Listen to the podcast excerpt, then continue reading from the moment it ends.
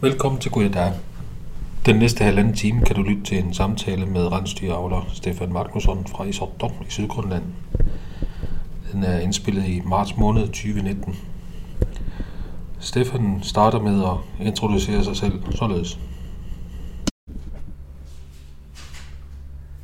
Det er i dag 7. marts 2019, og jeg skal interviewe Stefan Magnusson. Mm, ja, kan du høre mig? Ja, øh, Stefan. Hvem er du?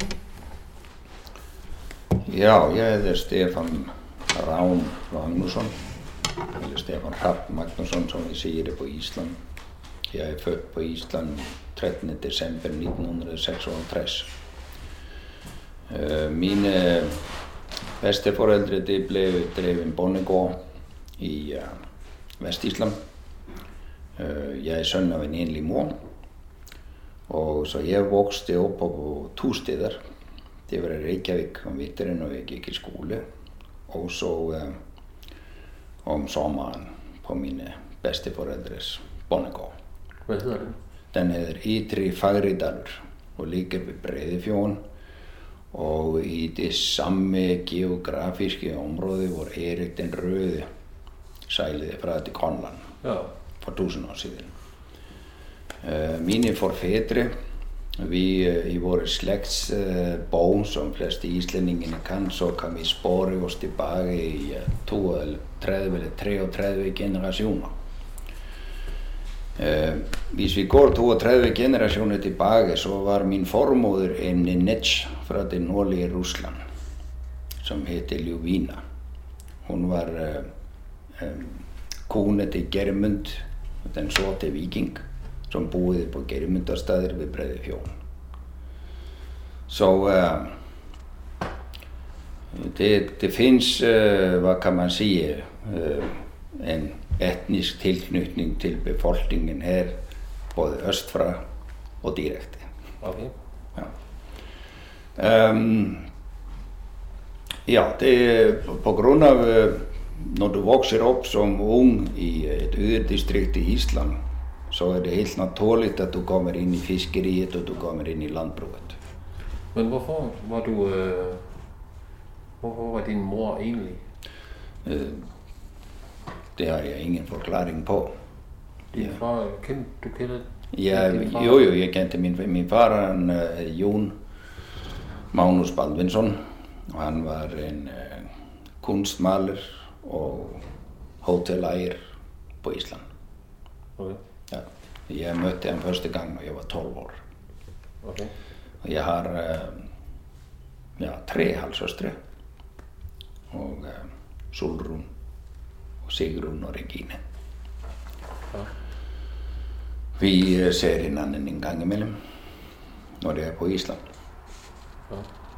Men når uh, jeg skulle beslutte mig for min uddannelse, så var det landbrug. Jeg var alltid interesseret i landbruget, jeg havde at være i byen. Og uh, så når jeg var færdig med folkeskolen, så var det landbrugshøjskolen eller landbrugsuniversitetet på Island, og der er jeg uddannet som agrotekniker. Uh, derefter så uh, tog jeg på sådan en rejse rundt omkring i verden, og min primære interesse det var kvægdrift, og, uh, og uh, jeg havde sådan en forestilling om, at jeg skulle være udenfor. Så, så meget udendørs som muligt. Jeg, jeg kunne ikke tænke mig at være en mejeribonde og, og være en innelukket i en stald med køene. Det, det var ikke mig. Og uh, så var det en gang, jeg er på ferie her i Sydgrønland. Uh, og jeg begyndte at komme til Sydgrønland uh, på backpacking, bare som en uh, vandreturist. Både var jeg, jeg interesseret i uh, Arktis og som et eventyrland og uh, naturen. Og så igen, Hvornår kom du her til første gang? Hvor gammel var du der? der var jeg 15 år. Okay. Ja, ja 15 år gammel, så kom jeg her første gang. Og til Kravatok, til Sydgrønland. Og der var jeg her i en uge, så blev jeg sendt hjem.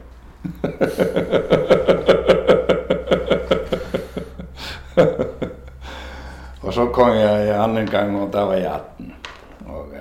Och där lärde jag eh, familjen Jekalvit att känna, där föräldrar där. Erkel Och- och- Christiansen. Och så ja, Kristiansen-familjen. Och, så, eh, och det var Maja Bento, och hon bodde på Island. Hon var gift med en islänning, Benedikte Torsten, Torstensson, eller Benedikte Kristiansen Torstensson. Ja. Och hennes bror Ole Kristiansen, han hade startat rensdyravl 1973, köpte rensdyr från Tinnera i ett Gottopfjörn.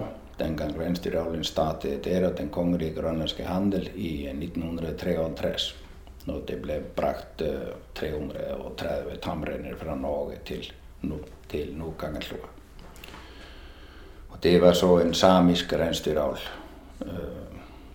eh, under ägarskap och förpartningsförhållande med den KGH, den kan Kungliga Grönländska Handel.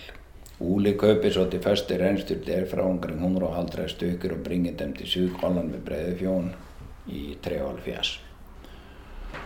Och jag var så där på besök i, uh, i 75. Och jag syns det här var så fascinerande och intressant så jag beslutade mig för att uh, lära det också. Så jag tog till Norge för att lära mig rensdyrhavl. Och jag var i Norge i fyra år. Samtidigt flyttade min mormor också till Norge i 75. Och bodde där och arbetade i fyra år. Eh, Jag eh, kommer så eh, till Grönland i fjäsene och eh, det var i tre och där kommer jag och så köper jag de första 150 rensdyr från Ole. Eh, begynner att involvera mig i driften. Så kom det en paus och så eh, kom jag igen i 89 och, eh, och där köper jag flera rensdyr och, eh, och där begynner jag ju att, att satsa pengar och den gången fick jag ärvestötte, lån från Grönlands ärvestötte till att eh, finansiera en del av köpet. Men Annars hade jag uppåt mig på en trawler i två år och sparat pengar. Till, Så, det, så den tid, du var væk herfra, der arbejdede du på tråler ja, for at samle penge til Ja. at starte op her. ja, det var det bästa, bästa stället att kunna hårdast möjligt samla mest möjligt pengar på kortast tid. Ja. Till att liksom realisera din dröm. Ja. Oh, ja, så, uh, uh, så etablerade jag, uh, jag var uppe i Nuuk besökte den myndighet den gången, jag huskar nog inte längre vad den hette, jag tror den hette Landsplanudvalget eller något sånt. Uh, sökte om ytterligare 1000 kvadratkilometer till Rensdyrhallen i uh, det där området som var uh, uh, Sermelikfjorden som är en fjord, isfjord som ligger eh, norr för Kasimiut, nord-nordøst for Kasimiut. Hvor, hvor var området? øh, Det starten? området, Tamren-området i Grønland, det var fra Kersvåg, fra Kallegallit Ima i, i Kersvåg, Breidefjorden, og så nåede den ud til Selmelikfjorden Ja. mod vest. Det var det første området. Den er på omkring 400 kvadratkilometer. Det var der, hvor øh, Ole etablerede sig først. Så 400 kvadratkilometer land. Ja, Ja. Och så efter, efter jag kom in med utvidelsen så blev det till 1477 kvadratkilometer. Det är målt upp av Grönlands naturinstitut i 93 och eh, bruttoareal med sjöar och, och fjordar och allt möjligt så är det 3600 kvadrat. Men gräsnings eh, eh, det är cirka 1400. Okay. Eh, Ja, så eh, begyndte jeg at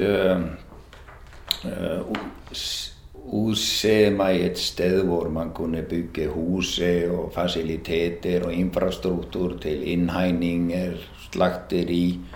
Og der tog jeg og Ole på ekspedisjoner om vinteren, kørte med sneskooter.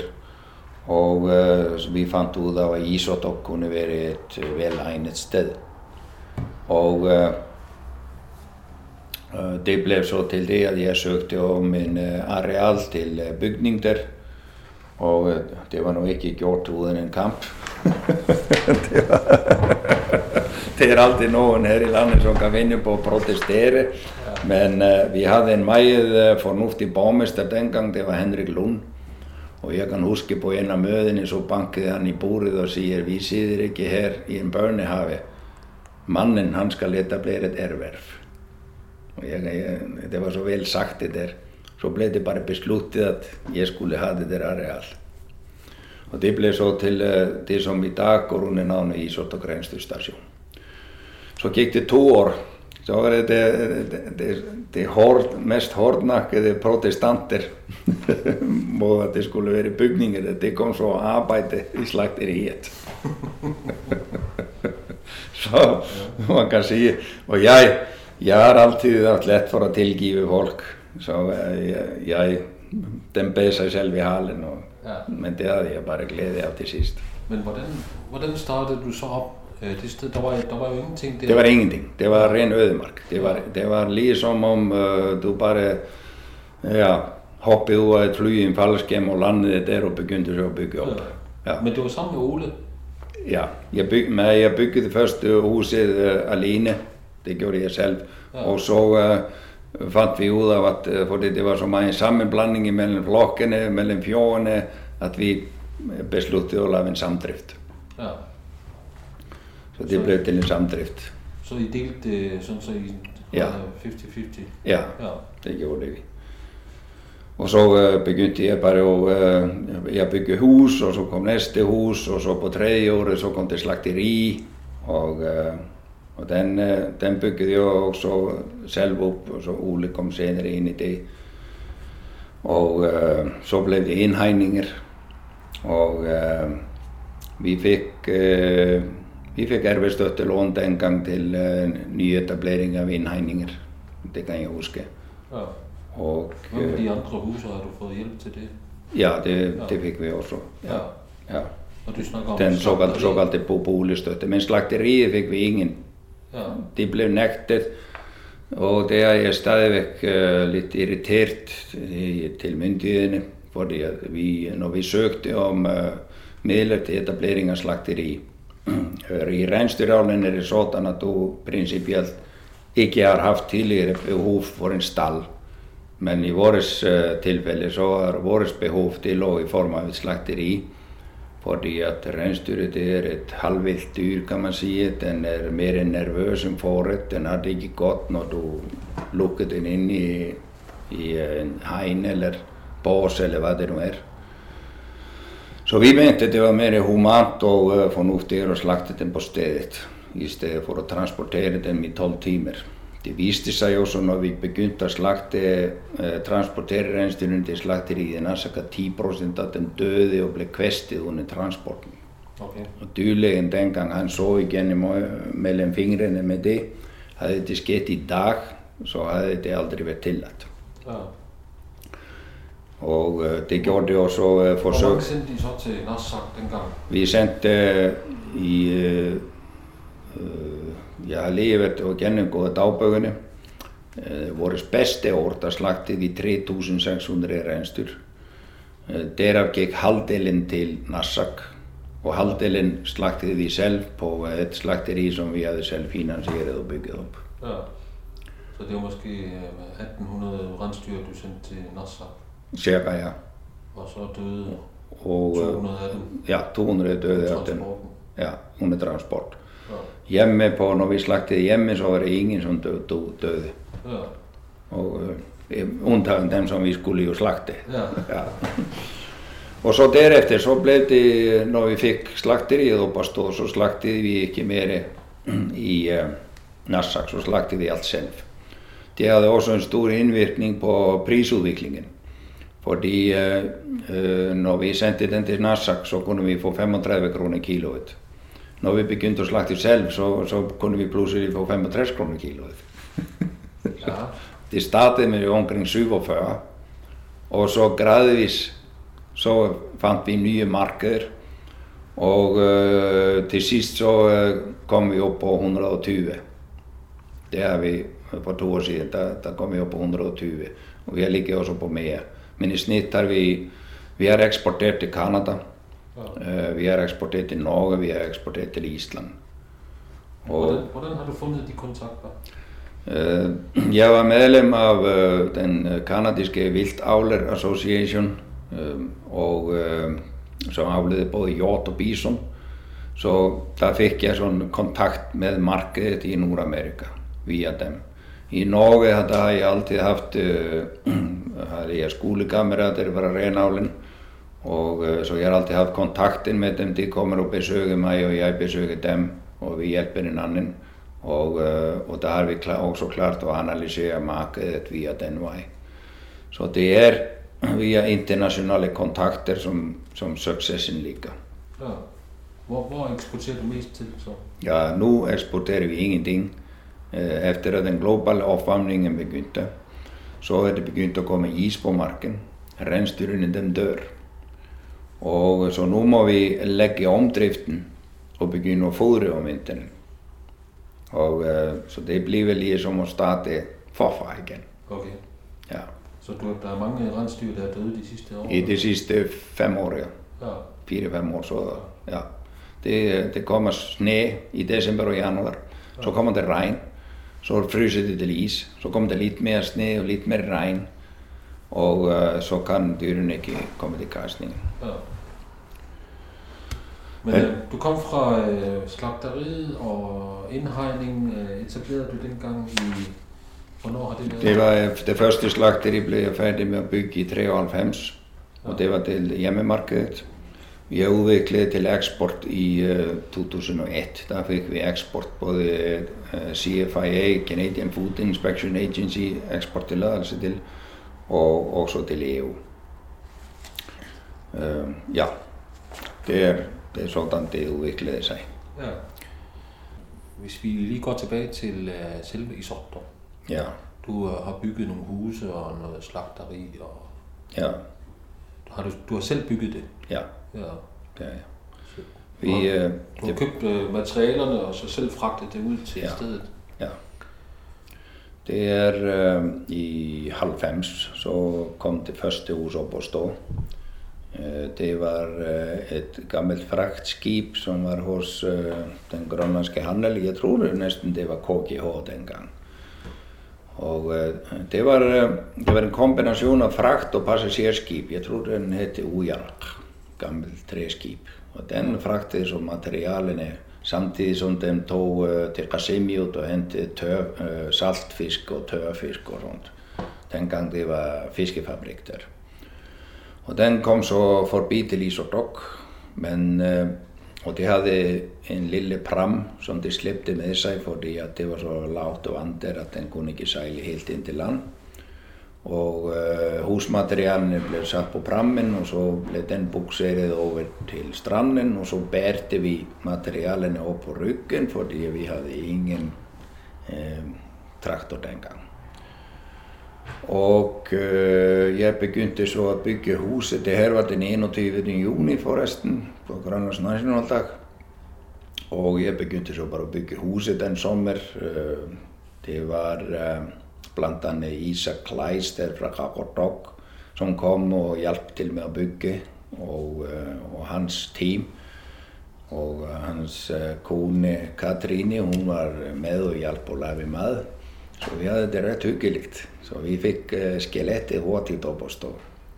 Og jeg tror også det var Isaks svoger, Kako, fra, stammer fra Kangatsiak. Jeg tror han var også med den gang i staten. Og uh, det var å hjelpe til. Anyway.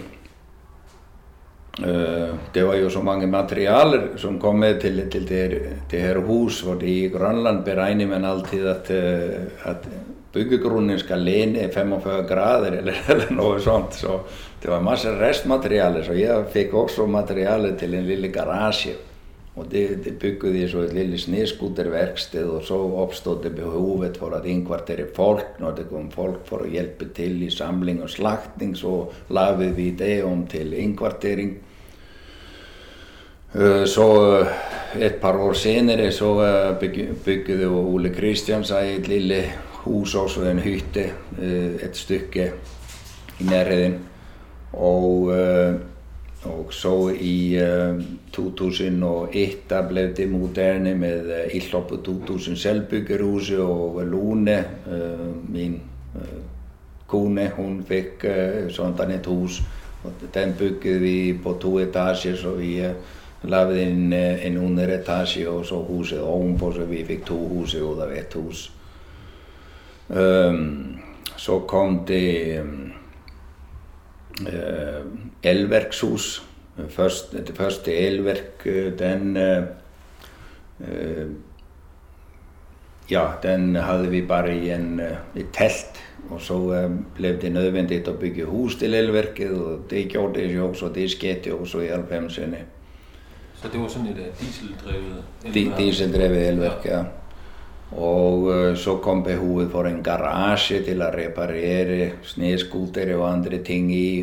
Og uh, vi bygde så en garasje, også uten støtte, også elverkshuset uten støtte. Uh, så kom behovet for slakteriet. Før det så var det en korridor som gikk fra innhegningene og ned til stranden til å kunne transportere dyrene til slakteriet i Nassak. Det är en 108 kilometer sträckning som tar 10-12 timmar att segla. Ja. Um, det, det, det första sån seriösa infrastruktur det var inhegningen med ledearme och, uh, och gräsningssegn till uppbevaring av rensdyr. Um, vi tänkte på också att kunna vara lite mer energieffektiva så jag lavade också en, en lille vannkraftstation och på 12 kilowatt. Det byggde vi också där i halvfemsene. Ja, det är sådan en sjö bredvid... Det är en sjö bakom huset där vi både hämtar drickevann och kraftvann ja. kan man säga. Og den, den sø, den går op til, den grænser op til indlandsisen, ikke? Nej, det er, den er 800 meter lang, så det er regnvand, som vi samler op. Så det var regnvand? Ja. ja. Det er en anden sø, som ligger en kilometer øst for stationen, som går helt til indlandsisen. Ah, ja. Um, og så igennem årene blev det også lavet uh, store innhegninger. Og innhegninger til rensdyr, það er nettet typisk 1 meter og fís og uh, hegnet er ofte på 1 meter halv 2 meter. I høyden? I høyden, ja. ja. Og hegnspælene dem er 2,5 meter i lengde og 100 millimeter i diameter. Og dem uh, har vi også bestilt vi selv fra Estonien. Og uh, og vi gravir dem eller bankar dem halvtreds til 30 cm ned i jorden, så to meter stikker op. Ja, hvad er det? Det er træ?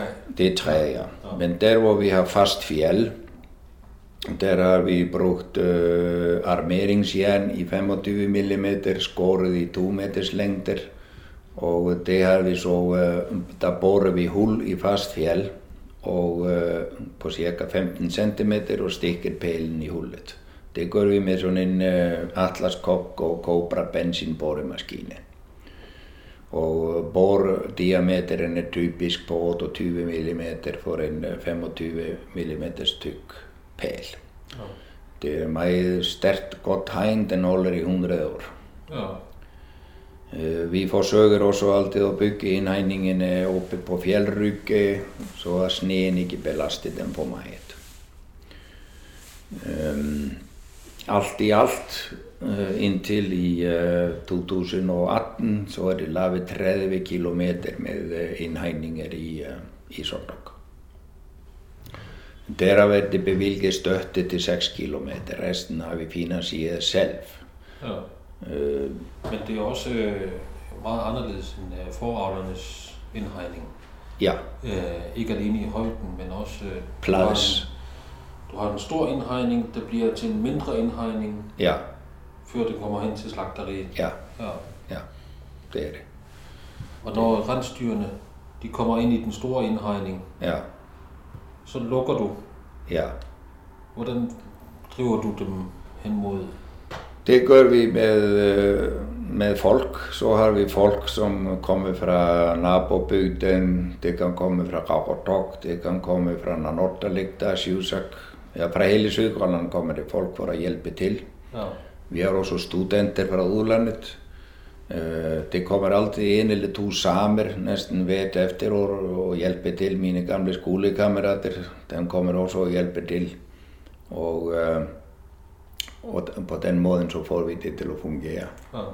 Og så eh, børnene selvfølgelig, dem er også der. Ja. Ja, ja, hele, hele familien og vennekredsen den kommer for å være med. Men det var 30 km øh, hegn, Ja. du har i det hele. Ja, Ja. ja. Det er, det er selvfølgelig ikke en strekning på 30 km, det er jo stikket opp i, i fire forskjellige gressningshegn. Ja. Og den største den er på uh, 6 kvadratkilometer. Ja. Der kan vi oppe og oppbevare hele reinsdyrflokken i noen år. Ja. Det har vi ofte gjort før vi slakter. Ja. Men øh, du har jo også øh, bygget noget andet ude i området. Jo, det er i, i 2012 så uh, Ja, vi har jo bygget hytter også, hvor vi For når du arbeider med reinsdyrene, så skal du mange ganger oppholde deg ute i geografien, måske 10-20 km hjemmefra. Og da har vi satt opp noen hytter til overnatting. Uh, vi begynte tidlig i halvfemsen å få forespørsel fra jaktreiseselskaper som selger jaktreiser. Og uh, vi begynte så å servisere dem, og vår første kunde det var Konstantin Verjotski, det var direktøren for Gazprom i Russland. Da begynte vi samarbeide med et firma i Island som heter Angling Club Laxá. Vi har så uh, ja, arbeidet sammen i 30 år. Ne, jeg tror Laxá var to år gammelt når de begynte å sende kunder til oss. Og det ble så til det i 2012 at vi uh, ville gjøre litt mer alvorlig ut av det. Og uh, vi hadde et uh, Vårt østligste område den var begynt å bli neglisjert. Vi hadde en gammel hytte der som var blevet forfallen, og det var også begynt å oppstå en del krypskytter i området. Så vi ville få liksom mer profil der på å forvalte det. Og da søkte vi efter investorer som var interessert i å lage noe ordentlig. Og vi satte det i utbud i den, det vestnordiske området i Europa i allmenn. Og da fikk vi, jeg tror det var fem eller seks som var interessert. Og, og ut fra det valgte vi så Laxá, fordi at, både fordi vi kjente dem fra før, de var sterke på kapital. Og, og vi stolte på at de kunne gjennomføre prosjektet sammen med oss. Det ble så til at vi bygget opp Kuksvengua Laxá Camp, som består av 17 hytter. Det er to av disse er bade- og toalettfasiliteter til kunden. Det er med adskilt fra kvinnetoalett og, og mannefasilitet. Og så er det en kantine. Og så er det 13 overnattingshytter. Ja, til, til gjestene, og det er to senger i hver hytte. Det er bjelkehuset som vi kjøpte inn fra Øst-Europa. Investeringen den foregår på den måten at uh, i løpet av, uh, av 20 år så eier uh, Isotox etterkommere hele Laxá-kamp. Og det er, den er strukturert sånn at den erverves 5 av den per år. Det var liksom forutsetningen. Og i tillegg så betaler de for en årlig gebyr på jaktutleining, som, som er fastsatt i avtalen. Således at det kommer en inkomst fra det også. Og på den måten så sikret vi at investoren fikk sine penger tilbake. Investoren hadde et, et, kan, kan man si, et lokkemader som man var tilfreds med. Og, og, vi fikk også noe av det. Og frem, neste generasjon kommer også til med å få glede av det. Så det var sån en lang, långsiktigt eh, projekt. eh, Att man, eh, ja, vi tänkte, jag tänkte på att, att nästa generation vill få glädje av det. Jag får mindre glädje av det, men nästa generation får mer glädje av det. Så det var sånt det var strikket sammen. Det var ikke gjort helt smertefritt. fritt. men det er så en annen Ja, historie. det er en anden historie. Ja. Øhm, Men hvor mange hytter har du så rundt i, øh, i hele området, det der, dig og Ole? Hvor mange totalt eh, 17, 18, 19, 20 Ja, 20 som er udenom Isottok. Ja, I Isottok er det en, to, tre, fire, fire boliger. Fire Ja. bolighuset. Ja. 20, 20, ja. ja, det er 20. Det er 21 hytter har vi alt i alt. ja. Som vi har bygget opp i, gjennom 30 år. men den hurtigste eskalasjonen det er skjedd mellom 2001 og 2012. ja. Da, da skjedde det mest. Øh, Stefan, øh, må jeg spørge dig om, øh, kan det betale sig at være rensdyravler? Når du har mange reinsdyr, så kan det godt betale seg. Ja, Og, men når du har uh, færre reinsdyr, så er det svært. ja, Og nå har vi ikke så mange reinsdyr. Så eh, eh, vi eh, begynner å utvikle mer og mer turisme. Fordi vi har allerede brukt eh, det, er, det er mange reinsdyr som må ha måttet dø pga. den infrastruktur vi har laget. Så nå har vi infrastruktur som kan begagne eh, vandreturister, eh, fisketurister. Eh, ja, du kan bare nevne det. ja. Ja. Så du, du driver også øh, anden øh, virksomhed end, end rensdyravl, det kan vi jo høre Ja. med, med jagtturisme. ja. Øh, hvornår startede du det?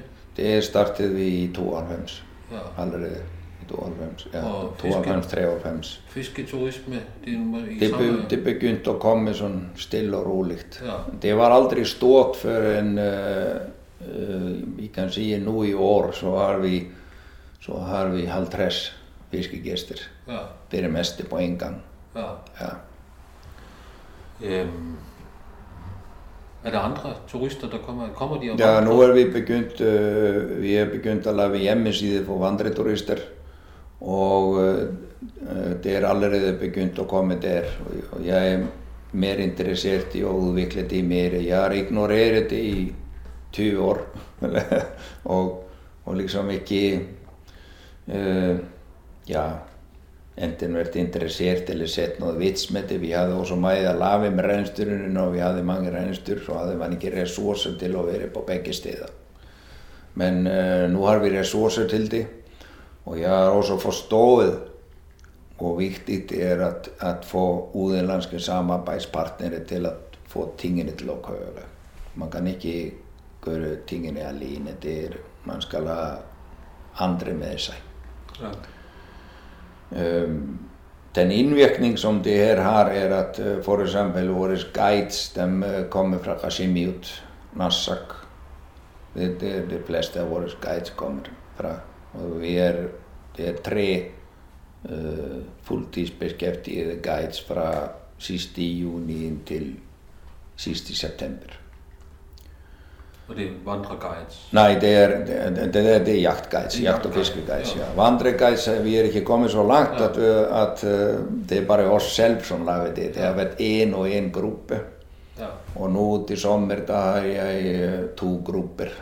Og uh, når vi kommer så ut på uh, internasjonale salgssider eller deltaker i salgsmesser her i 2019 og 2020 så regner jeg med måske i 21-22 at det begynner å, å, å skje noe. Ja. Vi observerer jo våre naboer som tar seg ut. De tar inn 1000 kroner om per sommer. Uh, Blue Ice Explorer de har tatt inn, jeg tror Tobas Reiser har sendt en 3000 kroner årlig eller noe lignende. Så. Og så uh, regner vi med at vi om fem år så er vi også måske 1000 kroner. Ja. Det tar tid det opp. Eh, Siste år hade vi eh, sån monster trucks på besök. Det var, eh, det var sån en privat luxusexpedition som eh, ville köra inlandsisen på langs och det startade hos oss för det att uppkörseln hos oss är mycket konstig. Så har vi också haft eh, intresse för minidrift.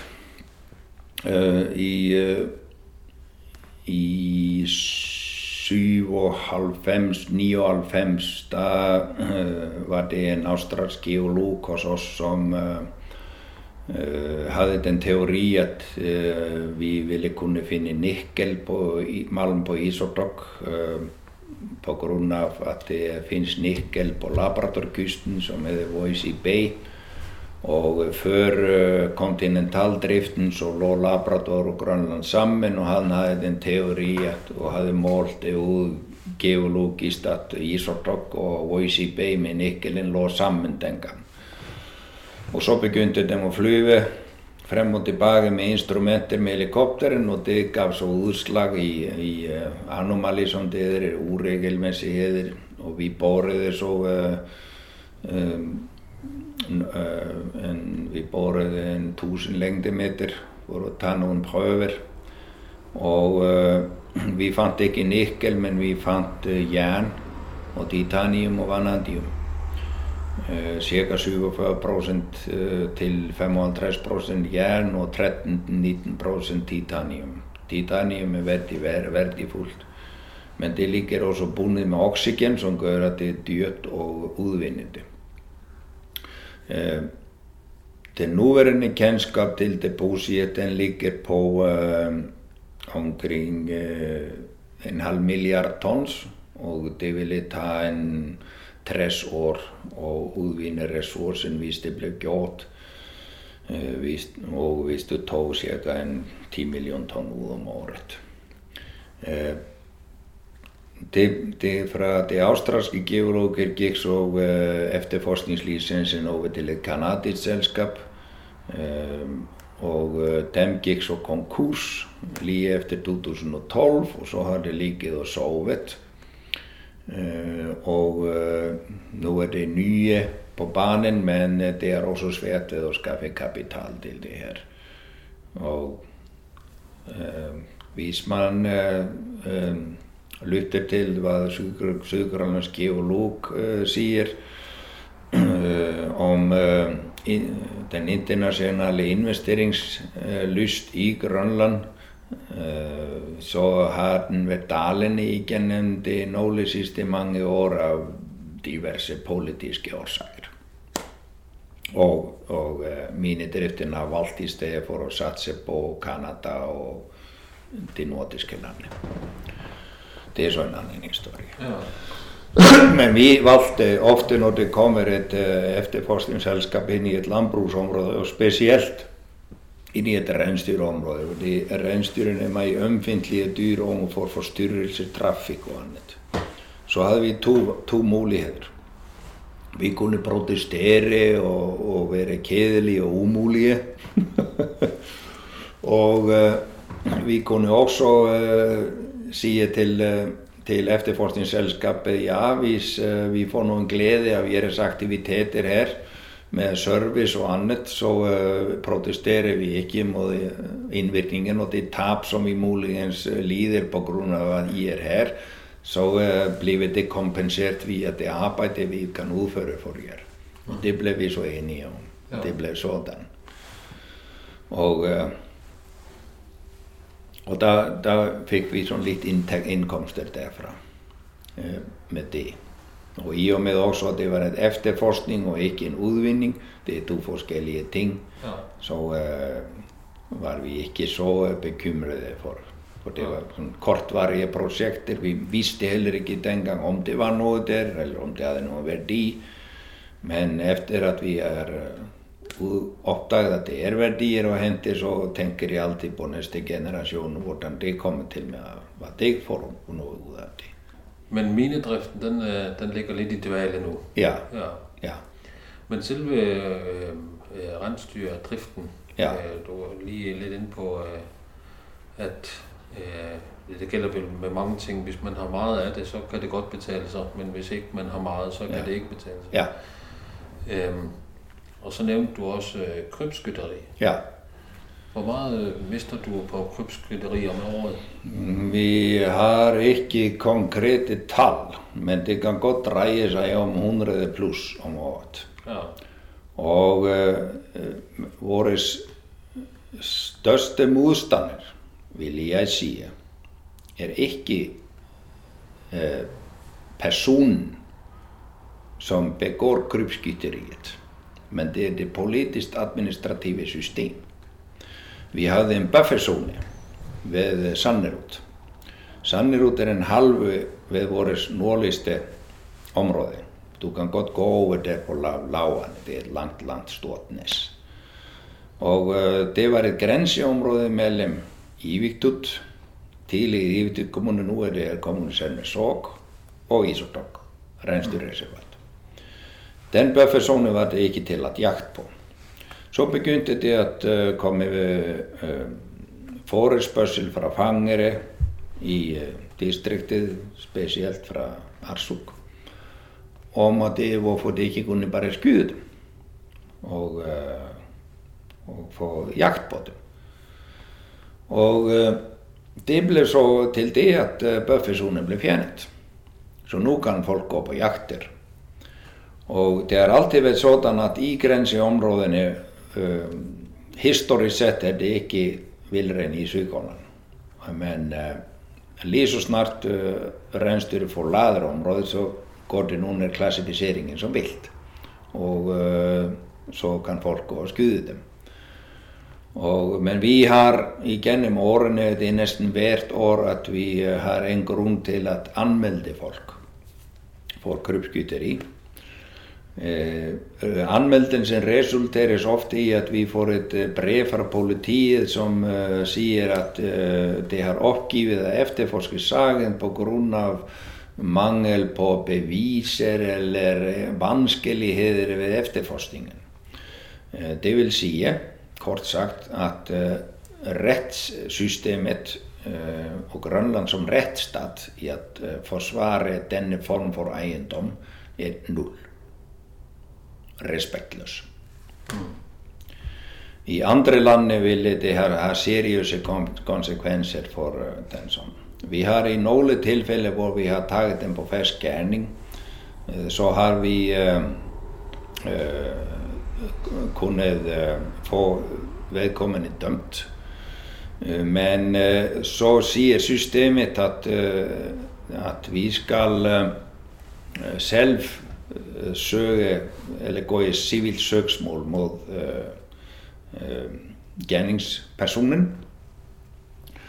Men uh, det gidder vi som regel ikke å gjøre fordi at det kan være mer vanskelig å inndrive erstatningen. Og vi mener at det er det offentlige som skal sette strafferammen og gjennomføre straffelse for tyverier og kriminelle gjerninger som er begått overfor oss. Ja. Det, det, er sånn jeg oppfatter og, uh, ja, Men det er vanskelig å drive reinsdyrhold i, i en jegerkultur. Ja. Man kan si det sånn. Den, uh, den allmenne mann uh, her i landet har en annen oppfattelse av kulturell uppfattelse vad rensdjuret av som går 3000 år tillbaka i historien än vad tamrenavlaren har. Ja. Ja. Så det är, det, är, det är en kulturell sak. Men så kan man också säga på den andra sidan måske skulle vi vara lite duktigare till att passa på dem och uh, det kommer muligens i framtiden at når vi begynner å fôre dem, så begynner vi å være sånn mer domestiseret enn vi har vært inntil i dag. Eller at reinsdyravlen i, i, i det bildet som den er i dag, måske opphører. Mm. Det, det må tiden vise.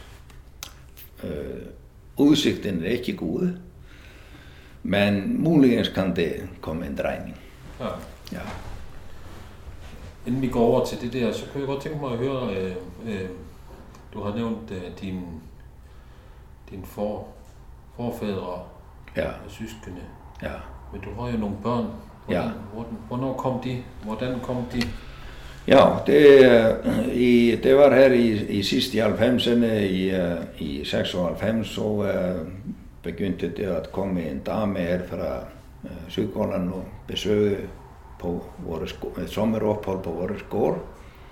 Og uh, det blev så til, at vi blev en mand og kvinde, og hun uh, hed Lone Nielsen. Og uh, hennes uh, mor Salome stammer fra Egalvarsvit, og faren, hann er döðu nú, Jón Jónasson, minna lit, já, tror jeg nok. Johansen, Jón Johansen, já, han stammer fra Kavaton. Og vi, det blev så til at vi øh, blev øh, mand og kone. Og vi fik så øh, vores søn Manny John i øh, den 21. mars i øh, 97. Og så øh, nogle år senere øh, så blev vores datter født Freja Athena øh, i 4. januar i 2002. Og øh, det er så den familie som jeg etablerede. Uh, Så I, har- I har boet alle... øh, vi i boede Sogndrup? alle sammen i Isodok i 18 år. Ja. Og øh, det gjorde vi. Og øh, så blev vi, øh, jeg og Lone skilt, men øh, alle er venner. Og in- ikke noget ondt der, og vi har en, en fri omgang stadigvæk alle sammen med hinanden. Men Og- dine, dine børn, de, er- de er vokset op i Sotdok og med dagliglivet derude. Ja, det begyndte at deltage i slagteriet. Jeg tror, jeg har billeder af dem, når de er mellem 6 og 8 år, så står de inde i slagteriet med en kniv og skærer i rensdyret. og vi har billeder fra indhegningene, hvor de er med på at indhegne dem og mærke livdyrene. Og, øh, og, øh, så det har været involveret i det aktivt helt fra det kan huske. Ja. Og, og det vil gerne fortsætte med det i en eller anden form. Ja. Og, øh, men- men i dag så supplerer øh, min søn sin indkomst øh, med at han går på en travler. Og øh, jeg har rådet han til at gøre det i et, bare et, et år endnu, eller noget sånt, indtil øh, han måske går på skole igen. Ja. Min datter hun går på uh, gymnasiet på Akureyri og uh, det vil så vise sig, hvad hun vil udvikle sig til. Men jeg har lagt meget vægt på at det uddanne sig til noget andet end rensdyravlere. Og, uh, og hvis jeg skulle gøre mit liv om igen som en, hvad kan man sige, rensdyravler, landmand uh, og andet, så havde jeg måske taget også en faglig uddannelse inden for byggeri. Det kan være meget, hvad det er. Og, øh, og så inden øh, måske for handel og, handel og kontor eller øh, salg og marketing. Det måtte jeg så lære mig igennem livet senere ja.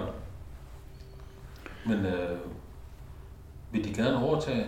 Det vil gerne overtage og jeg har til rette, rettilagt det sådan at det bliver sådan relativt uh, let at overtage det. Um, og, uh, men det vil så vise sig i de næste tre år uh, om rensdyravlen som sådan vil overleve eller ikke. Ja. Vi, uh, jeg tror nok vi ved udkommet af det her i efteråret 2019. Hvornår går du på pension? Aldrig. Aldrig. Men lovligt øh, skal jeg gå på pension øh, som en 7, tror jeg, 67-årig eller Ja. noget sånt. Så du har et par år endnu? Jeg var her et par år endnu. Ja. Ja. jeg er fire år endnu. Ja. Ja. Hvis nu vi øh, går tilbage til Manitja og Freja, ja. har de gået i skole hos, hos jer derhjemme, ligesom hos Øh. forholdene? Det har de gjort lidt, men vi valgte også det at have et øh, hus i byen, hvor dem øh, gik i skole her i Sydholland, i grundskolen og også på Island, begge, begge deler. Fordi vi mente at det var måske godt for dem at have socialt samvær med andre børn. Jeg ved ikke om det var rigtigt eller forkert, men vi valgte den. Ja. Ja, jeg tror at det har været bedre. Ja. Ja, så, Men de, de er begge to fuldt dobbeltsprogede, ikke? uh, ja, det, jeg kan sige, det er tresproget. Tresprogede? Ja, det er Manichak, han har uh, grønlandsk, islandsk, engelsk, og han er firesproget. Han er, ja, han er grønlandsk, islandsk, engelsk og dansk. Ja. Freyja, hún er tresproget, hún har uh, grønlandsk og engelsk og litt dansk og hún forstår islandsk. Ja. Ja. Men Manichak han er flydende på, på fire. ja. Og det, det har han kunnet liksom helt fra begynnelsen. Er det et Kan- bevidst valg, I har Det, det er bevisst vi har, det er bevisst at vi har genet dem i den retning. Ja. Ja. For uh, jeg har alltid syntes at det er uh, ude i verden så kommer du ikke så langt med grønlandsk eller islandsk eller dansk på den sags skyld. ja. Det, det er vigtigt at man lærer sig engelsk.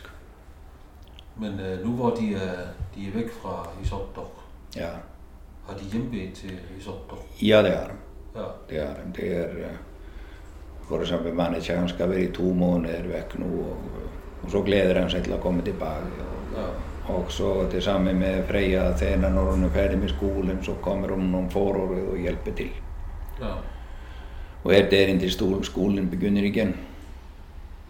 Jeg så det også vigtigt, at de øh, kom ud og arbejdede hos nogle andre, for at uh, lære, begå, lære at begå sig på en uh, andens arbejdsplads i almenhed.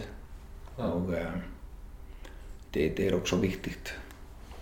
Men de sådan kommet ind i, uh, i rytmen i Isotdok med alle arbejdsopgaver.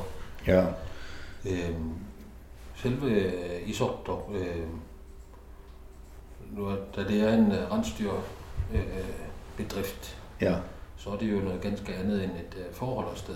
ja. Hvordan uh, går årets gang? Vi kan sige, øh, vi kan, hvis vi starter for eksempel, vi kan starte i maj måned, at uh, rensdyrene er sådan indrettet fra naturen, at du behøver ikke at uh, lave fødselshjælp som hos forholdene. Så du behøver ikke at være vågen døgnet rundt i den periode, hvor det foregår. Det foregår sig selv ude i naturen. Og det som vi laver der i maj måned, det er at uh, vi laver opbrydning efter vinteren.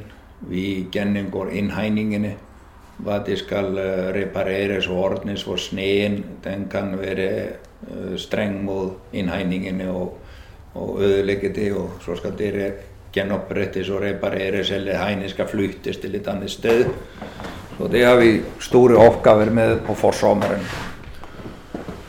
Og og så er det uh, uh, sånn mekanisk med vedligehold også. Det er alltid noe som skal repareres. Vi har ja, 25-30 forskjellige små maskiner på stedet som skal ordnes. Uh, så skal de provianteres og transporteres uh, både proviant og udstyr til turistleiren og også til, hus- til uh, Isordok. Eh, Hvis det skal bygges noget for eksempel, så organiserer man materialebestillingen i april og med forventning at materialene afleveres sidst i maj eller starten af juni. Um, så har vi uh, uh, i uh, juni måned, der foregår det, tager vi på patruljer og eh, for å eh, se hvor reinsdyrflokkene er, for at liksom eh, planlegge kommende samling. Eh, Så er det sådan ofte i reinsdyravlen, når myggetiden starter i juli, så samler reinsdyrene seg. Det er myggene som sørger for det. Det er, det er derfor vi har mygg, for at de reinsdyrene. og, eh, og da, eh, da ved vi hvor eh, hovedflokkene opholder seg. Og da er vi klar i august måned til at begynne samlingen. Og samlingen den har, for, den har foregået, når vi hadde mange reinsdyr, så leide vi inn helikoptere. Eh, Senere købte vi inn eh, egne maskiner. Vi har også brukt eh, heste. Eh, Og nå sist så er vi begynt å utvikle og bruke droner og fotgjengere. Det er det, det billigste. Men renstursamlingen begynte typiskt der i eh, starten av august måned og man begynte å drive dyrene hjem og så når man kom inn til mot slutten av august så drev vi dem inn i hain og slaktningen startet typisk den 1. september. Vi ville gjerne ha startet 1. oktober eller efter brunsten, efter 15. oktober når rensdyrene var litt tyngre. Men vi ligger inne i et, en fjord med brakkvann, så det fryser meget tidligt, og der kan vi ikke sende varen ud. Så der bliver vi nødt til at lade slagtningen foregå i, uh, i uh, starten af september, før brunsten kom. Og, uh, og så slagter vi der i cirka, det foregår i cirka 14 dage. Og uh, når det er overstået, så er det frysning, pakning og forsendelse. Så kommer det skip eller at vi uh, innchartrer flere av våre kammerater med båter som kommer og henter det til byen. Og så blir det avskipet ut på kunden. Uh, og vi har faste avtaler, har haft inne på de siste år avtaler med både med Brugsen og KNI om avsetning av produktene. Og de gangene vi har eksportert, det er først når vi har større mengder at vi har eksportert til utlandet. I august måned, juli og august, da foregår juli måned for eksempel, da har, det, vi haft lystfiskere på besøk og da har vi serviceret dem, sejlet dem ud til elvene, så de kan komme ud og fiske. Og så uh, når turistene kommer, vi lavede det selv i starten i august måneden, men nu outsourcer vi til alt det grønlandske fangere. Det laver all guidning på turistene i dag. Og uh, hvad mere? Jo, når man er færdig med uh, slagtningen, så uh, er det opprydning. Og uh, vi har en miljøgodkendelse til at uh, lave kompositt af slagteavfallet. Så eh, vi graver gjerne sånn lange grøfter som ikke er så voldsomt dype. Og så eh, når det blir så fylt med innvoll og slakteavfall, så dekker vi det til med jord, og så planter vi eh, skogtrær i grøften. Så vil det nok vokse opp skog der i fremtiden. Ja. Og så kommer det er i oktober måned, da er sånn uh, opprydning, vinterklargjøring. Uh, man transporterer brennstoff og uh, vinterproviant til stasjonen. Og så kommer vi inn i november, da kallar, det er en periode hvor du ofte, du kan ikke seile og du kan ikke gøre sneskúter og spesielt efter den globale uh, for 20 år siden, da kunne du nesten stole på at du kunne køre snøscooter fra november av. Og uh, jeg har i min dagbok fra 90-ene, da kører vi ut den 23. oktober for å kikke efter reinsdyr med snøscooter. I dag så må du vente inntil i januar, siste januar måske, så har du fått sånn stabile snøforhold. Og, uh, men da har vi ofte brukt tiden november, desember inn i januar til at simpelthen bare holde ferie. Og uh, ja La børnene gå i skole og være sammen med dem. Og, Ja, og uh, det er ofte sånn uh, den tid man lager sånn administrativt arbeid, skrivearbeid, konsentrerer seg med den periode. Uh, hvis det er rejsemesser for turismen, så bruger man også gerne den periode til det. Og også til at uh, besøge venner og slægtninger i Island. Jeg har jo også brugt den tid til november, december og januar. Fordi vi arbejder meget i sæsonen, vores intensive arbejdsperiode er 8 måneder, og der er vi meget aktive, og resten af året er vi mindre aktive. Ja. Svo komum við inn í februar, það startið snöskútertíðin og uh, það begynte vi að köra út og samla reynsturinn og drífa þeim saman og uh, venne uh, reynsturflokkinni til mennesket. Köra dem håndterlige och, och således att man kan driva dem om sommaren och sommaren kommer. Så det är viktigt uh, att uh, när man är rensdyrhållare man har kontakt med rensdyrflocken. Vi kör också ut i gränsområdena och hämtar rensdyren och det är möjligt. Någon gånger, speciellt efter den globala uppvärmningen begynte seriöst för tio år sedan, og uh, nú síst svo oppdagði við að steder som vi uh, pleier å køre fjorder som vi pleier å køre over for uh, ti år siden, det er åpent vann. Og det skaper problemer for oss. At vi kan ikke hente rensdyrene som vi pleier å gjøre.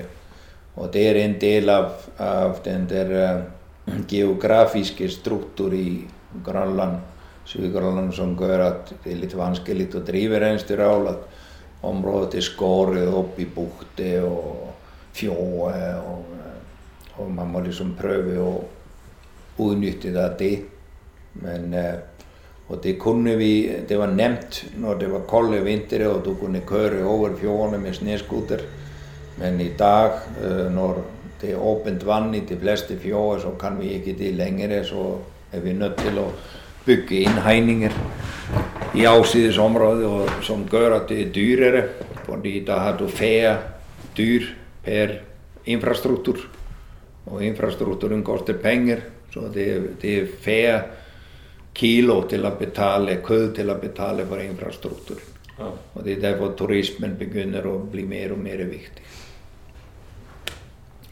Det er liksom säsongen i nödeskall och säsong, snöskotertiden den är typisk där från sist i februar och in till eh, mitten av mars. Tidigare kunde vi eh, köra snöskoter och passa flocken in till eh, sist i april. Men eh, den tiden är förbi nu. Ja. Så jag tror jag har nått cyklusen. Och så när ska, när vi kommer hen till til maj. Ja. Og, og sneen forsvinder der, så tager I ud og... Så er det vedligehold igen. Ja, ja. ja oprydning og vedligehold. Ja. Det, det er det. Det er det, vi gør. Øhm, hvor mange er I uh, i Sortdom? Vi er, uh, ja, jeg og mine børn nu, og, uh, og så har også Ole, han kommer også der, selvom han er 72. Ja. Og så er vi også begyndt at få volunteers. Det är en organisation som heter Workaway och där kommer ungdom från hela världen som uh, deltar i aktiviteterna på villkoren i kost och logi. Mm. Och dem har vi brukt med de sista år.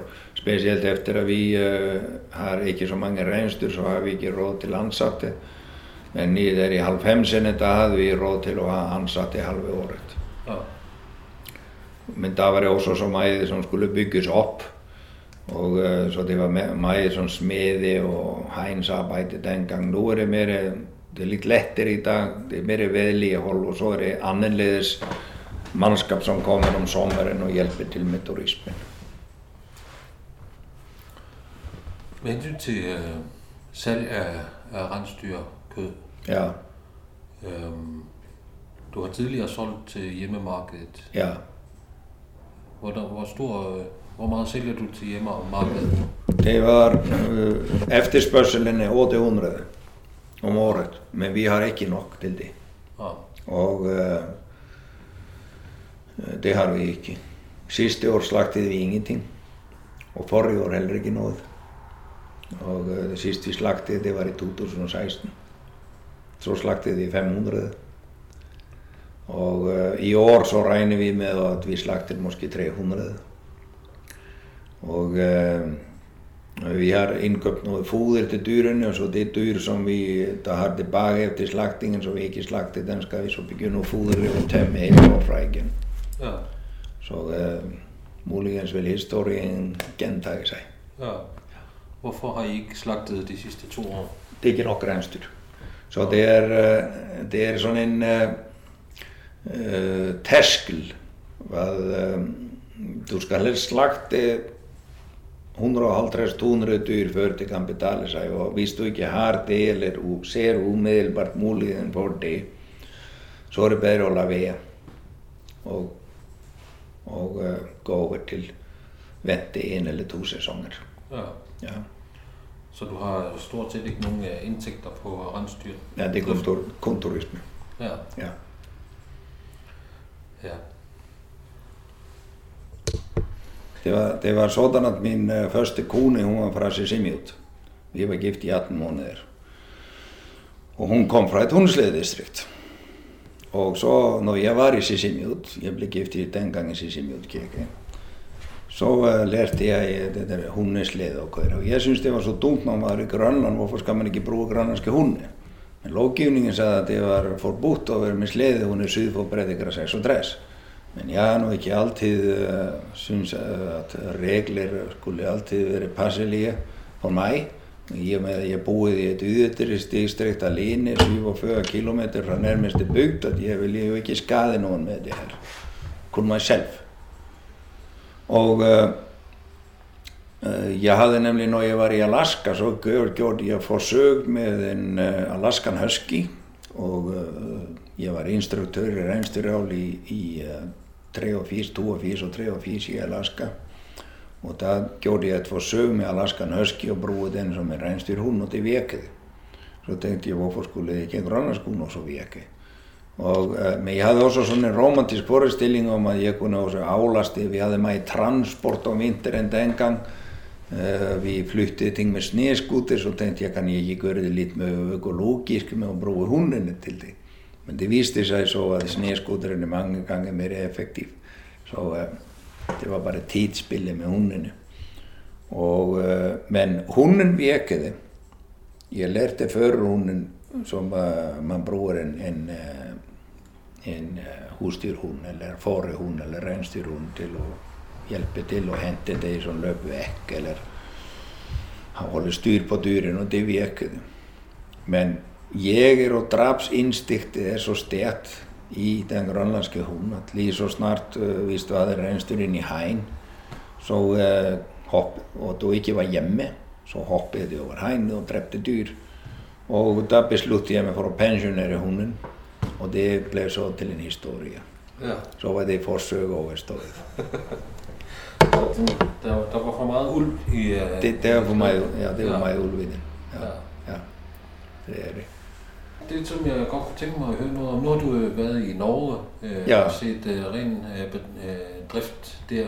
Ja. Hvad, er forskellen med ren drift her og så i Norge? Det er at uh, i Norge, uh, hvis vi tager, vi kan tage Norge, Sverige og Finland, der er det 6.000 rensdyravlere. I Norge er det ca. 2.500 rensdyravlere, og det er uh, 247.000 tamren. Så det er et samfund. Ja. Du har kollegaer som repræsenterer øh, også en meget stærk politisk organisation, som i dag hedder Sametinget. Og øh, det går ud på at forsvare traditioner, tra forsvare øh, rettigheder til land og vand og skov, og øh, rettigheden til at eksistere som rensdyrholder. Og uh, det gør så det, at du får meget stimulans og opbakning fra dit nærsamfund og forståelse. Uh, Samene har været i den situation, at det skal kunne, liksom, uh, kunne etablere en forståelse fra storsamfundet i Skandinavien. Altså at, at få en beboer i Oslo eller Stockholm til at forstå, hvad han holder på med. Og uh, som rensdyrholder i Grønland er du meget ensom. Vores eneste kollega, vi kan sige, det er uh, Jansen-familien, som har haft rensdyr på Tututog. Så uh, vi, er, vi snakker med hinanden sådan lidt, men alligevel er det, er det for lille. Og så derfor så har vi uh, det, vores nærmeste liksom, uh, fælles kollegaer, kan vi sige, det er fåreholderne. Ja. Og uh, til dels forstår dem også, og vi forstår dem. ja. Ja. Men, men for at have ren drift øh, i Grønland og i Sydgrønland, nu har det jo været besluttet mange ting øh, politisk, øh, både kommunalt og, og, og på landsplan. ja. Hvad kræver det øh, af det politiske system? At det skal kunne en- eksistere. Ja. Det er, uh, for eksempel forreavlen, den blev institutionaliseret. man lavede en, øh, en forsøgsstation i Ubernaviasuk. Og, og øh, det kom konsulentopbakning. Det var en, en, øh, en konsulentkontor her i, i Sydgrønland. Og vi som regnstyrálere, vi måtte liksom prøve å tilpasse oss strukturen i det på en eller annen måte. Men uh, vi har alltid haft det på fornemmelsen alligevel at, uh, at uh, vi var alltid sånn noe ekstra råd. Så vi ble aldri liksom systematisert, institusjonalisert innenfor den politiske og administrative system som, som landbruket eller Fårjalen ble. Og jeg tror at det skapte det gjorde det at uh, i det lange løp så uh, fikk vi dårligere økonomi ut av driften enn uh, vi ellers kunne ha oppnådd. ja, i, kort sagt er det sånn. Ja. vi har måske ikke vært selv dyktige nok til å liksom, gå ut i media og, og tale våre sak. Det er så en annen ting. Og mås måske skulle, skulle vi have været det, jeg ved det ikke. Men når man er sådan en pioner, så er man ofte af den støbning, at man vil ligesom prøve at kæmpe sig selv igennem tingene. Man bliver stolt. På en måde er jeg dumstolt også en gang imellem. um, så det er det, er det, jeg, det jeg har savnet. Det er uh, det er at det politiske administrative systemet det, det setter seg inn i reinsdyravlen. For ofte når jeg har møtt folk, så har de spurt meg hvor mange har jeg fanget. Det er liksom om de tror jeg driver med jakt. Jakt er bare 5 av våre aktiviteter, altså hvis man tenker på at man selger troféjakt. Ja. Og um, ja, og det er det er så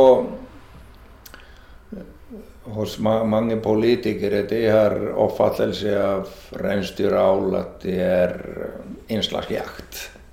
Og, så det har måske manglet litt forklaring der, jeg, jeg vet det ikke. Ja. Som, som igjen gjør det vanskelig. Nå er vi, nå er vi begynt å besøke våre vi har en organisasjon nå som heter World Reindeer Herders.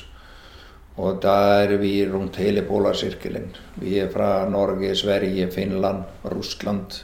Russland kommer majestet igjennom fordi der er det to uh, million reinsdyr og 100 000 reinsdyrholdere. og, uh, og så henger Alaska og Kanada med, men der er reinsdyrholden liksom, den har det svært liksom her i Grønland. Eh, jeg tror også at eh, for å drive reinsdyrhold i Grønland eh, det har vært en, en læreperiode gjennom en 40 år. Og jeg tror sluttresultatet blir at man må gjøre tingene litt annerledes i Grønland enn man gjør i Norge og Sverige. Man må lene seg mer til farmoperasjon i stedet for å være en pastoralist. Og uh, ja, og, og semidomestisert. Så jeg tror man må gjøre tingene annerledes her i landet, tilpasse til uh, geografien, naturen og kulturen. Ja. Ja, jeg, var, jeg er jo utdannet av samen i Skandinavien, så uh, i staten når jeg kommer her til, så er hele min verden uh, ut fra sånn filosofisk perspektiv uh, den er samisk. Ja. Og så, uh, så begynner jeg sånn, det er klimaet og omgivelsene som liksom former meg inn i en annen retning. Med, med landbrugerne her i, i Sydgrønland, du har, du har vært medlem av SPS. Ja. så var jeg til Bakatigifi. Ja. ja. Det er du ikke længere? Nej. Hvor længe kan det være? Øhm, ja. Vi så liksom ikke Uh, ja, vi så ikke behov for det, og når vi var uh, ignorert av det administrative politiske system, spesielt uh, Miljødepartementet, når de tar bort våres, våres um, bufferzone i det nordlige området, hvor de åpner på jakt på vår eiendom, da ble vi liksom fornærmet på systemet, rett og slett. Det burde nok ikke ha gøre det at vi uh, skulle ikke være medlemmer av SPS. Men jeg har alltid syntes at SPS skulle haft en annen navn. Den skulle haft Nunnalegeisutbyrådiet Fiat. Eller Landbruenes forening. Ja. Og, um, men tradisjon er ja. Så, uh, men nå uh, når behovet for å fôre reinsdyrene om vinteren oppstår, så uh, har vi tenkt oss å søke igjen å være medlemmer av SPS, fordi SPS har får noen, åpnet noen gunstige uh, vilkår for import av fôr med fôrskip. Og uh, for meg har jeg alltid vært sånn gjennom årene at, at mye av det jeg gjør, det er også mye business related. Og hvis det ikke er sånn for, forretningsmessig um, fornuftigt så har jeg ikke sett noen grunn til å være der. Ja. Og, uh, men ellers så uh, har vi vært med av, av uh, sosiale årsaker, sosialt samvær. Men nå oppstår det, nå må jeg begynne å tenke på at våre barn, hvis de skal overtage, så skal det være medlemmer av SPS, det grønlandske, sydgrønlandske samfunn. Og, men så vil vi også forlange av SPS at de, uh, uh, formannskapet, når det oppstår problemer med det offentlige, at de um, tar opp hansken for oss og hjelper oss på like uh, måter som de hjelper andre medlemmer. Ja. I et tilfelle, hvis vi går tilbake til historien, så når vi hadde problemer med Miljødepartementet Um, de påstod at vi hadde for mange reinsdyr. De uh, uh, åpnet for jakt på uh, våre reinsdyr. så bad vi om oppbakning fra SPS, og, men vi fikk det ikke. Og det er en av grunnene til at vi ikke har blitt medlemmer der. Ja. Men, men hvordan er det med, med landbrugerne i, i Sydgrønland? Har du kontakt med med mange af dem? Ja, ja. Vi, ja. Øh, når vi mødes, så snakker vi sammen. Og, øh, og selvfølgelig når det er generalforsamling og fest i øh, den første weekend i juli, så er vi alltid med der. Og, og uh, min datter er også venner blant deres børn. Og hun har vært uh, gæst og besøkt dem ja. spesielt hos dem. I Timmerslid? I Timmerslid, ja, spesielt. Så uh, uh, man kan si at våre børns beste venner, det er landbruenes ja. børn. De er, de er jo landbrugsbørn alle Ja, landbrugsbørn, ja. ja. Så det har noe felles. Ja. Så det, det må, felles. Og jeg tror at det er det som kommer i fremtiden. Ja. At, uh, at, det kommer til å være sterkere assosiasjoner mellom reinsdyravlere og fåreavlere. Ja. Nu har vi snakket en del om øh, produktion af kød. Ja. Men øh, vi har ikke snakket om, øh, hvordan vi spiser det. Ja. Du har, øh, nu har du jo været derude i mange år, øh, ja. og haft rensdyr mange år. Du har været rundt i, i verden og set, hvordan man laver rensdyr. Ja. Hvordan laver du rensdyr? Okay. Um, ja, Du kan tilberede raunsdyret på lige så mange måder som du kan tilberede for lammi eller åsekuð. Så eh, vi, for eksempel når vi har slaktet, nyslaktet, så er det noe av det første vi spiser det i kæven og hjertet, og, og så steger vi lever også. Og, eh, og da Hvordan med, med kartofler? Med kartofler, ja. Vi koker en suppe av kævene med tunge. og och så hjärtat också. Ja. Och uh, med grönsaker och löj och kartoffler. Och uh, det, det här är både, jag vill säga att det här är en cirkumpolar rätt.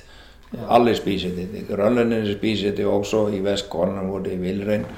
Og, og vi rensdyravlere rundt polarcirkelen, om du er i Grønland, Norge, Sverige, Finland, Russland, så, så spiser det det samme. Det der. Og så selvfølgelig kogekød, det kan være hals, det kan være ryggbov. Og så kommer vi til uh, mer den europeiserede del av matkulturen der når vi begynner å lage utskjæringer av køller og rygger, så lager vi fileter og vi steier dem. Men mest av det der kød har gått til, uh, gått til uh, salg, og mens vi har spist det andre der. Men ja. vi, vi tillater oss litt luksus en gang imellom og spiser reinsdyrfileter om søndager. Ja. Men du, og, du har jo du er slagter, du er uddannet slagter, ikke? Nej, øh, konen Lone blev uddannet slagter, og hun ja. uddannede som mig. Ja. Så jeg er selv lært. Ja. Og, øh, det er derfor, du har alle de udtryk med udskæring og filet og Ja, det, det lærte jeg fra, ja. fra konen og lærte fra andre slagter ja. at snakke med dem. Og så når du kommer inn i bransjen, det er to måder å utdanne deg på. Det er at du har interesse for det og setter deg inn i det, eller at du vokser opp med det. Og jeg kan si at jeg vokser opp med det. Ja. Men øh, vi kom fra de der, så steger man, I steger også kød og øh, i ovnen og ja. andet, og ja. hvad, hvad med saltning og rygning og er det noget, I gør? Jo, vi begyndte, først begyndte vi at øh, tørre sider og reben, og vi begyndte at tørre det lufttørre, det bare uden noget som helst, lige som man har gjort i Grønland, vestkysten af Grønland i, i, i tusind år. Og, men så begynte vi å raffinere det litt. Og den samiske tradisjonen, du lager tøk, og så salter du det litt. Så vi begynte å lett salte uh, muskler som vi skar ut og flekkede, så det var tynnere og tøde hurtigere. Så begynte vi å uh, ta bove og halskød som vi utbeinede og hakkede, og der uh, tøkuð sticks, eller jerky sticks, og da innhentet vi uh, oppskrifter fra USA med krydderier, med chili og, uh, og sursøt og, og sånne tilsetninger som gjorde smaken litt mer spennende. Og uh, det kørte vi så i noen år. Jeg tror vi lagde kommersielt tørrkød i fem år. Og vi kalte det for tuttu chips. Det var meget populært, men efterspørselen den Eh, den var litt for, eh, for ringe. Den, eh, den, lå på mellom 300 og 600 kilo om året. Så eh, når efterspørselen efter, efter frossent kød ble så stor at så holdt vi opp med å produsere tørrkød og, og vi bare selger frossen vare i stedet for. Men vi produserer stadigvæk tørrkød til eget bruk. Ja. Og så i tillegg til reinsdyrene så, uh, så uh, fanger vi en del fisk. Så vi spiser ørreder og vi går og fanger torsk i fjorden og vi spiser det. Og, og um, det eneste som vi kjøper inn, det er brød, smør og grønnsaker. Ja. Men alt annet det skaper vi selv. Ja. Og har alltid gjort. I, I dyrker ikke noget på, på landet? Nej, vi har dyrket kartofler og roer en gang imellem, men vi ligger litt koldere distrikt enn det øvrige landbruk i Sydgrønland. Og vi har heller ikke adgang til, eh, til eh, naturgødning, liksom forelåt ja. og tilsvarende, som eh, er godt å ha når du skal dyrke kartofler. Så vi, da må vi alltid, hvis vi skal oppnå en suksess, så skal vi bruke mer kunstgødning. Så det eh, Vi, vi har ikke vært så engasjert i å dyrke selv, nei. Ja. Men, øh, men I har mange ørreder, I har rigtig mange ørredelve. Ja, og det er ti ørredelve i distriktet. Ja. Så, øh, og, så vi, vi spiser ørreder derfra, og selvfølgelig kommer det mange fra distriktet i Sydgrønland og fisker. Ja. Men øh, hvad gør I med ørerne? Er det bare traditionelt? Vi øh, koger dem, fryser dem, koger dem. Vi øh, salter dem, og så ryger vi dem. Og øh, kommer det en venn av oss, Kai Lybert, han kommer hver sommer og fanger ørret. Vi bygger et røyeri sammen. Og eh, så vi eh, lager røyeri til begge familier. Eller røyede ørreter. Vi fileterer dem og salter dem og, og røyer dem så. Ja. Og da bruker vi grønlandsk lyng og en og uh, vier til å røye med. ja. Ja. Men har du sådan øh, mere omfattende fiskeri også ved siden af, altså hvor du Nej. tager ud og, og fisker torsk? Eller? Nei, Nej. kommersielt fiskeri, nei, Nei. det gør vi ikke. Jeg har aldri, selvom jeg voksede opp i det i Ísland, så uh, har jeg aldri vært interessert i det som Ja. sådan. Jeg har alltid vært mer interessert i bare regnstyrene. Ja. Hvis jeg skulle ha gjort en karriere med fiskeri, så hadde jeg blivet i Ísland. ja. Ja. Det er lettere vilkår. Stefan, øh, lige her til at, til at runde af øh, den her korte historie. Det er jo svært at, at fortælle om hele Isotto på, på så kort tid. Mm. Men øh, når du ser øh, på, tilbage på øh, den, de 34 år, du har været der, Ja. ja, fortryder du? Vil du have lavet noget andet i stedet for, hvis du kunne vælge om? Nei, jeg hadde måske gjort det øh, litt annerledes, men øh, Og hvis jeg skulle tenke på større muligheter, så hadde jeg tatt Russland måske. Og, øh, men øh, øh, jeg var i Alaska i to år og i Kanada og undersøkte mulighetene der. Men da syntes jeg alltid at jeg var så langt vekk fra der hvor jeg kommer fra. Sånn, øh, sånn kulturelt. Så det passet så fint å være i Sørgårdland.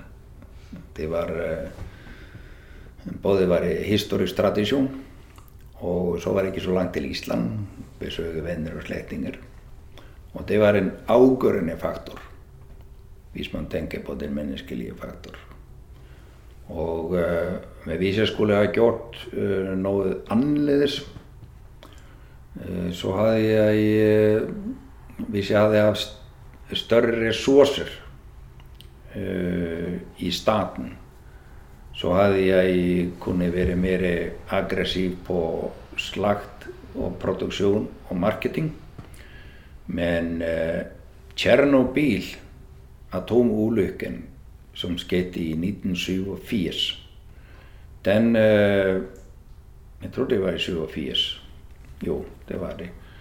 Den uh, dumpede reinsdyrkød på markedet i Skandinavien ganske seriøst. Så de skandinaviske regjeringer, i hvert fall i Norge, måtte subsidiere reinsdyravlen ganske sterkt for at fordi reinsdyrkødmarkedet på grunn av at det radioaktive nedfall det falt ned på reinsdyrlaven. Og reinsdyrlaven, den lagrer den, og den fornyer seg meget langsomt. Det vokser med 4-6 millimeter om året.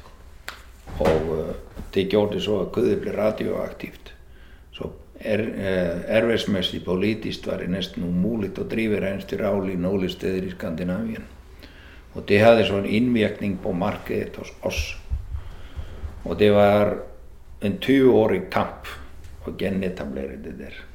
For jeg ville si at det var jeg var rett gal når jeg begynte å satse på reinsdyravl i 1995.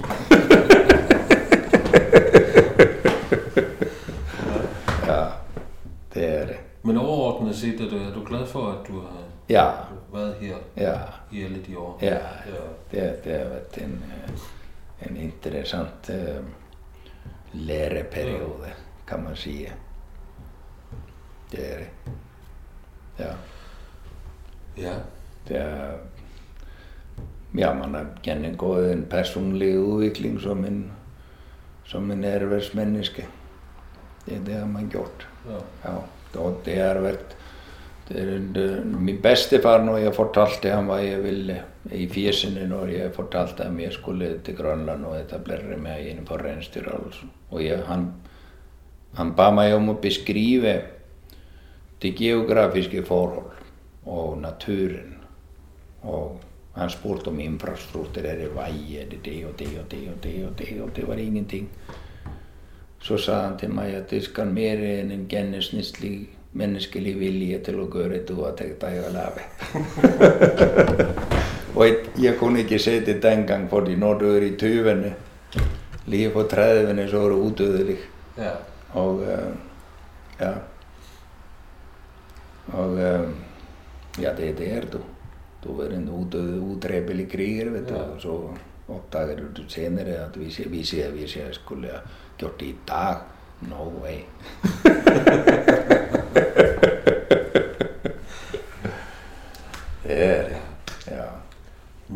Stefan, mange tak for, for det her. Ja.